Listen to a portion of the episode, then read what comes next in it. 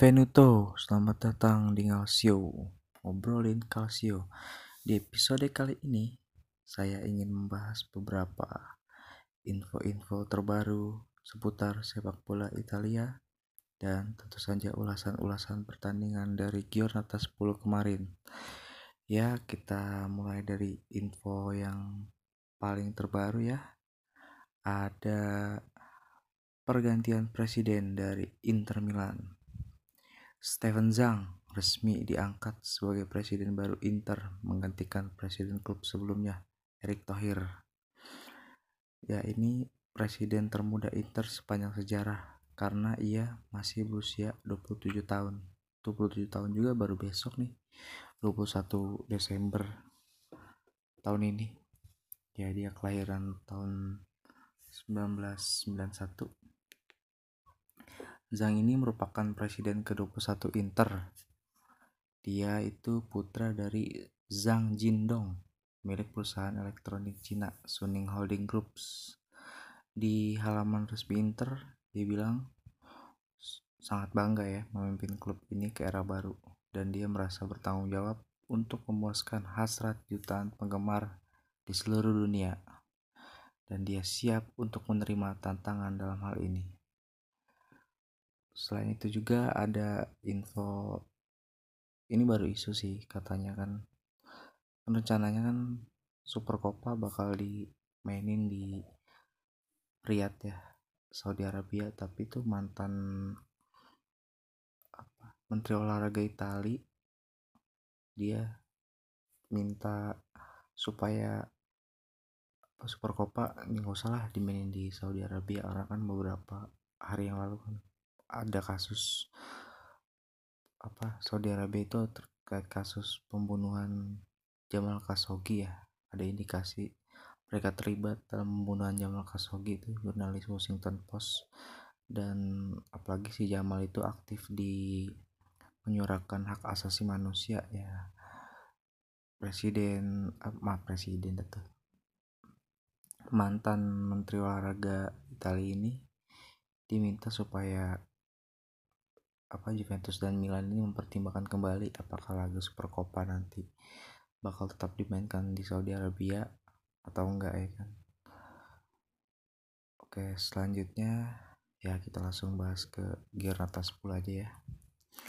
Di laga pembuka ada Atalanta melawan Parma. Wah ini seru sih. Atalanta menang 3-0 gol dicetak Gagliolo pertama bunuh diri. Ya si Sepe nepis ten nepis bola terus kena badan dia masuk ke gawang terus ada Palimino di menit 72 dan terakhir gol dari Gianluca Mancini. Gianluca Mancini ini bukan anaknya dari Roberto Mancini ya. Dia orang lain bukan anaknya Mancini. Dia itu dulu akademi Fiorentina terus di terus membangun karir di Perugia di Serie B lalu direkrut sama Atalanta.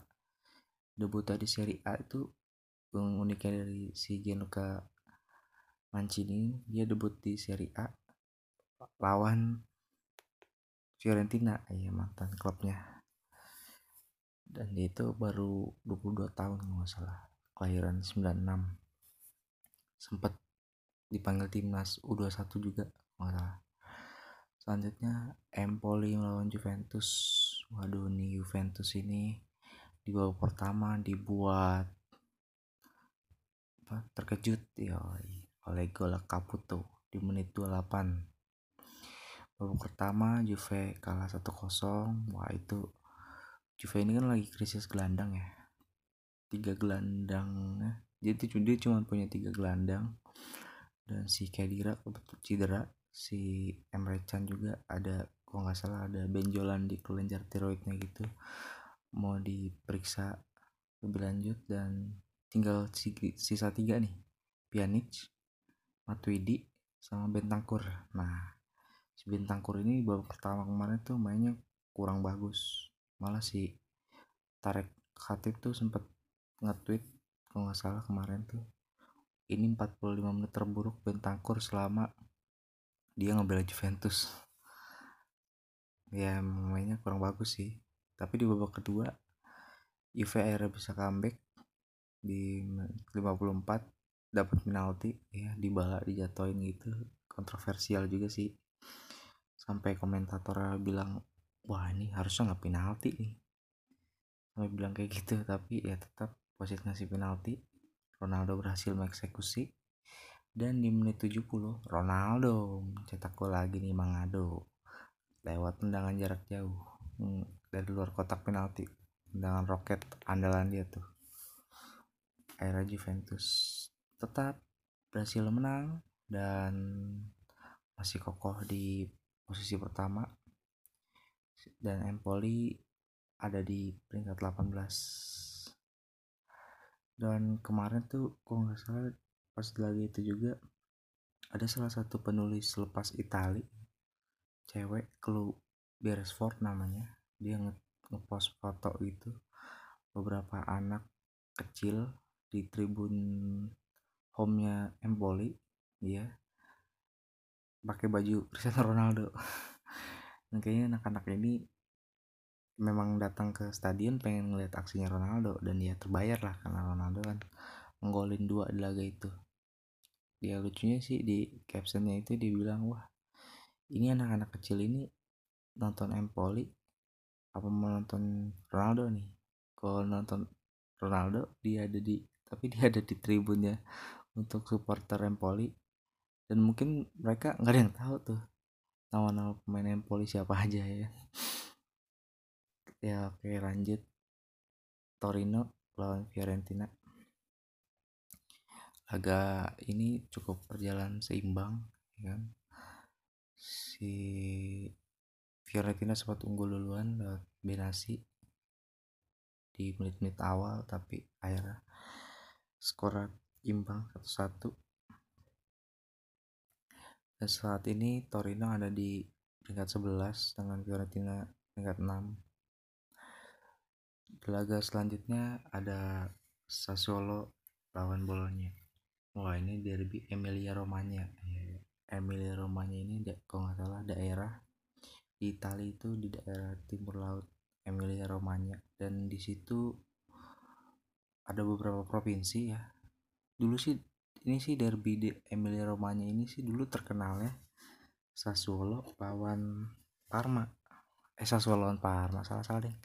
Bolonya lawan Parma karena bolonya sama Parma kan termasuk dua tim di dari wilayah ini yang prestasinya lumayan lah di Serie A ya kan? Tapi sekarang udah mulai banyak nih dari beberapa provinsi. Itu kan ada Ferrara, ada Piacenza, ada Modena, ada Bologna. Dan sekarang di Serie A ini ada Spal dari Ferrara dan Sassuolo dari Modena. Nah ini maka dibilang derby Emilia Romagna ini karena Sassuolo berasal dari daerah Modena.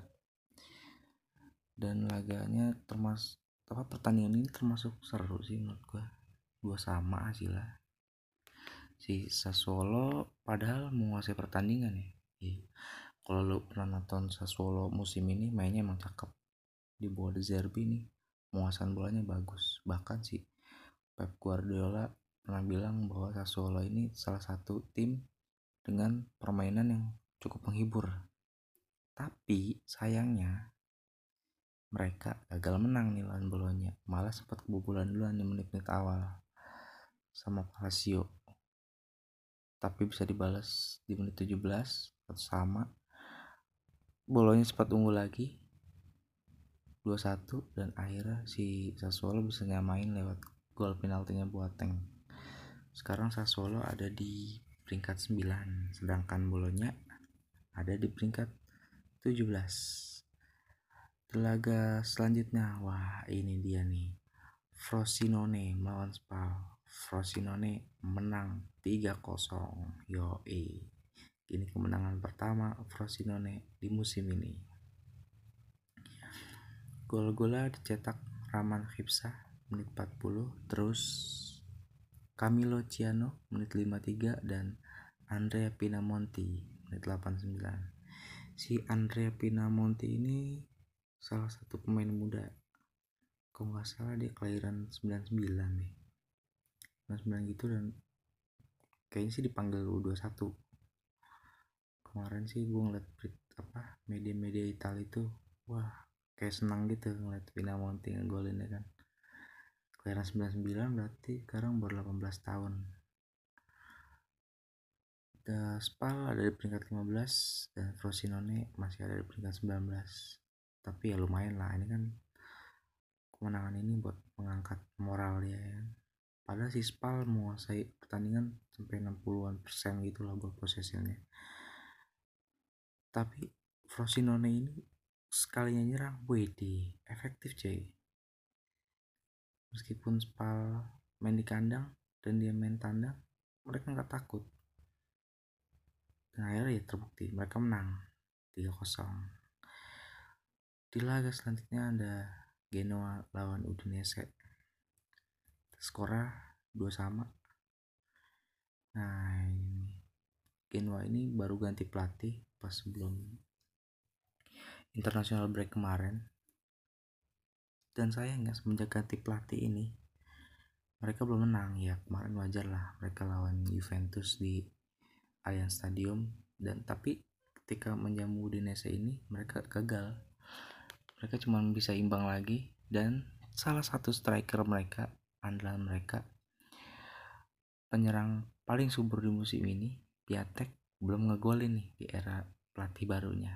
Ada apa nih dengan Piatek gitu kan gol Genoa kemarin dicetak sama Romulo lewat penalti itu sama Christian Romero di menit 67 gol Udinese dicetak Kevin Lasanya dan Rodrigo de Paul. Wah kalau lu sering nonton Udinese ini Rodrigo de Paul ini salah satu pemain dengan tendangan dari luar kotak yang paling berbahaya di musim ini.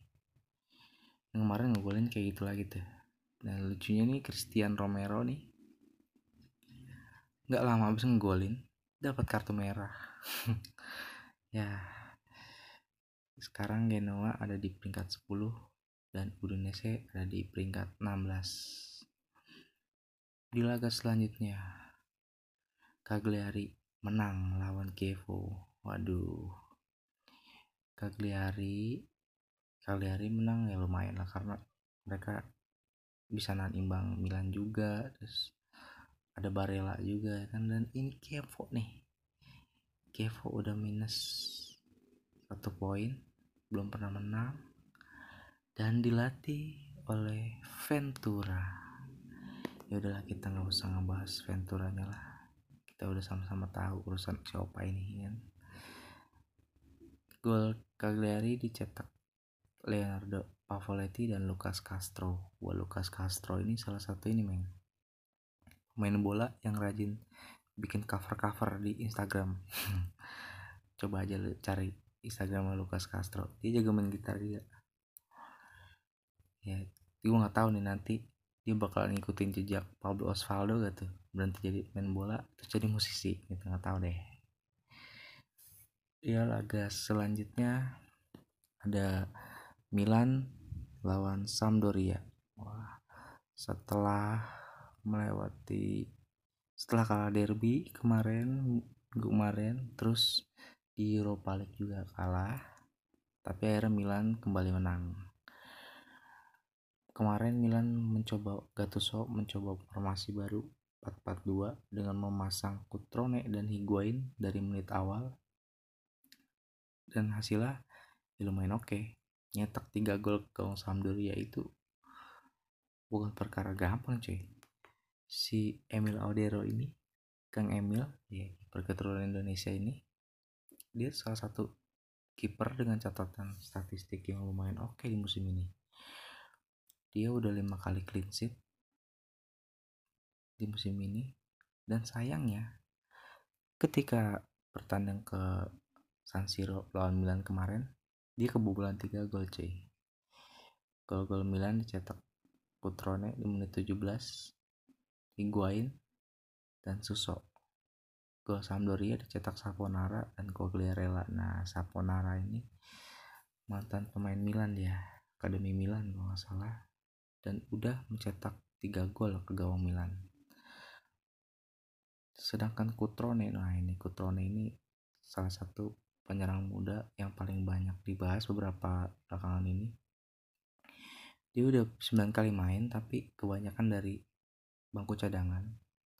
Dan menit bermainnya juga nggak banyak. Kalau nggak salah dia baru 200 200an menit gitu tapi efektif sih. Dia tuh udah nyetak 5 gol sejauh ini buat Milan. Kalau Higuain ya wajar lah.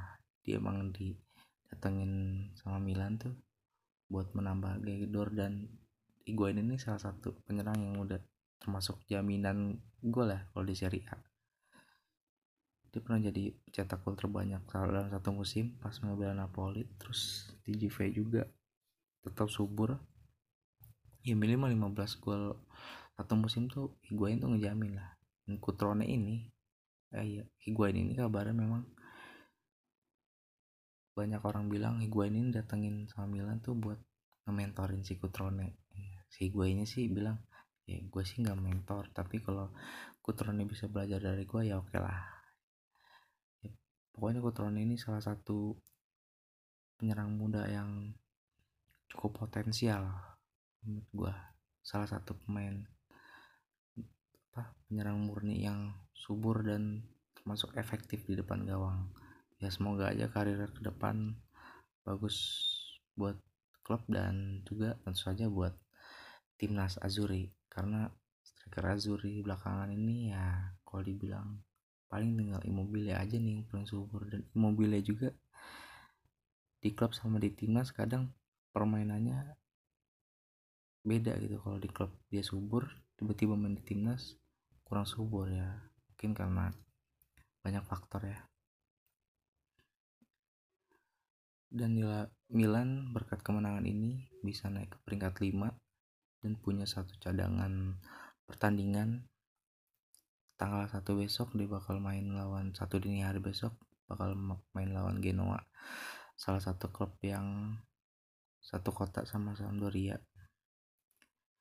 Dari Genova juga karena di giornata pertama kan Milan lawan Genoa tuh ditunda gara-gara ada tragedi jembatan itu. Kabar sih besok tanggal 31 waktu Itali dan tanggal 1 waktu sini satu dini hari besok Milan lawan Genoa. Kalau Milan menang kemungkinan besar bisa naik ke peringkat 4 karena saat ini kan Milan 15 poin. Peringkat 4 itu Lazio 18 poin. Dia tapi Milan unggul selisih gol. Oke lagu laga selanjutnya. Napoli lawan Roma. Wah ini big match juga nih.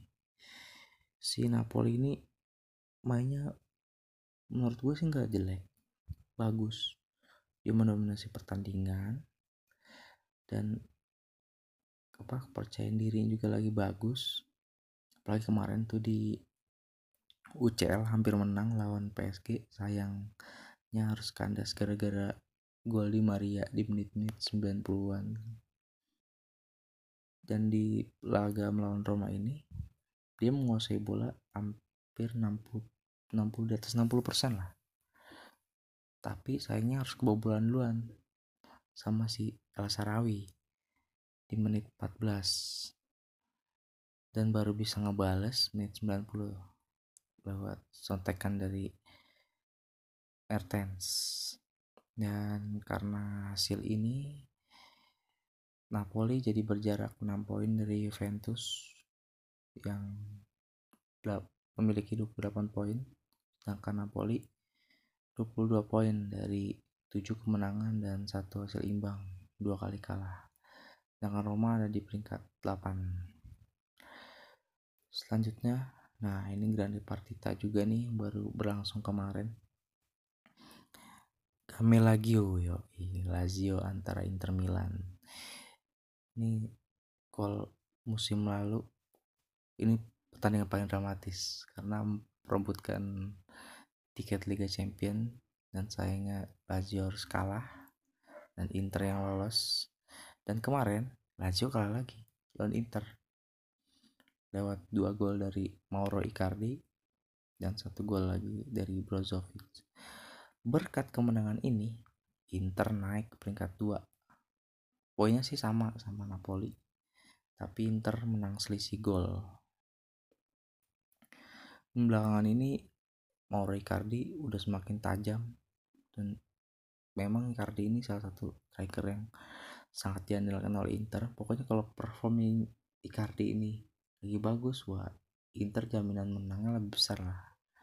Apalagi dia baru dapat presiden baru ya kan?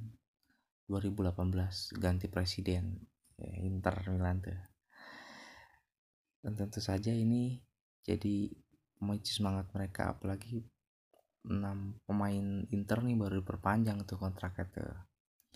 Si Brozovic, Brozovic sama Vecino kalau nggak salah diperpanjang sampai Juni 2022 terus si Devra, eh, Dev, Dalbert sama Gagliardini itu tuh sampai 2021 Kandreva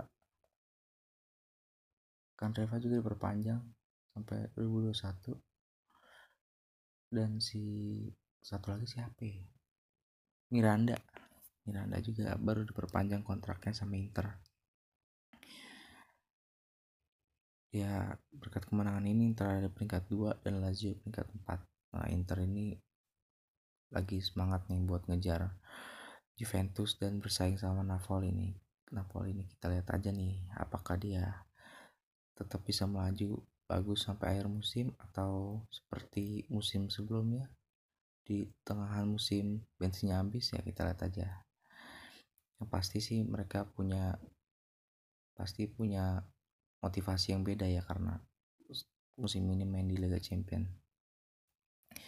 Dan top skor sementara masih ada Piatek dengan 9 gol. Disusul nih Mangado udah mulai-mulai naik nih dia nih kemarin golin 2 jadi 7 gol. Dan Icardi 6 gol Immobile 6 gol. Top asis di Serie A musim ini masih dipimpin oleh Suso dengan 7 asis 7 asis sampai bulan Oktober termasuk bagus sih menurut gua. Karena ya ini hampir sama-sama perolehan Suso di 35 pertandingan di musim lalu. Ya kan? Dan dia ini salah satu penyumbang asis terbanyak di kompetisi top Eropa di musim ini. Oke. Itu aja ulasan dari Giornata 10 semoga bermanfaat. Forza Serie A Forza Calcio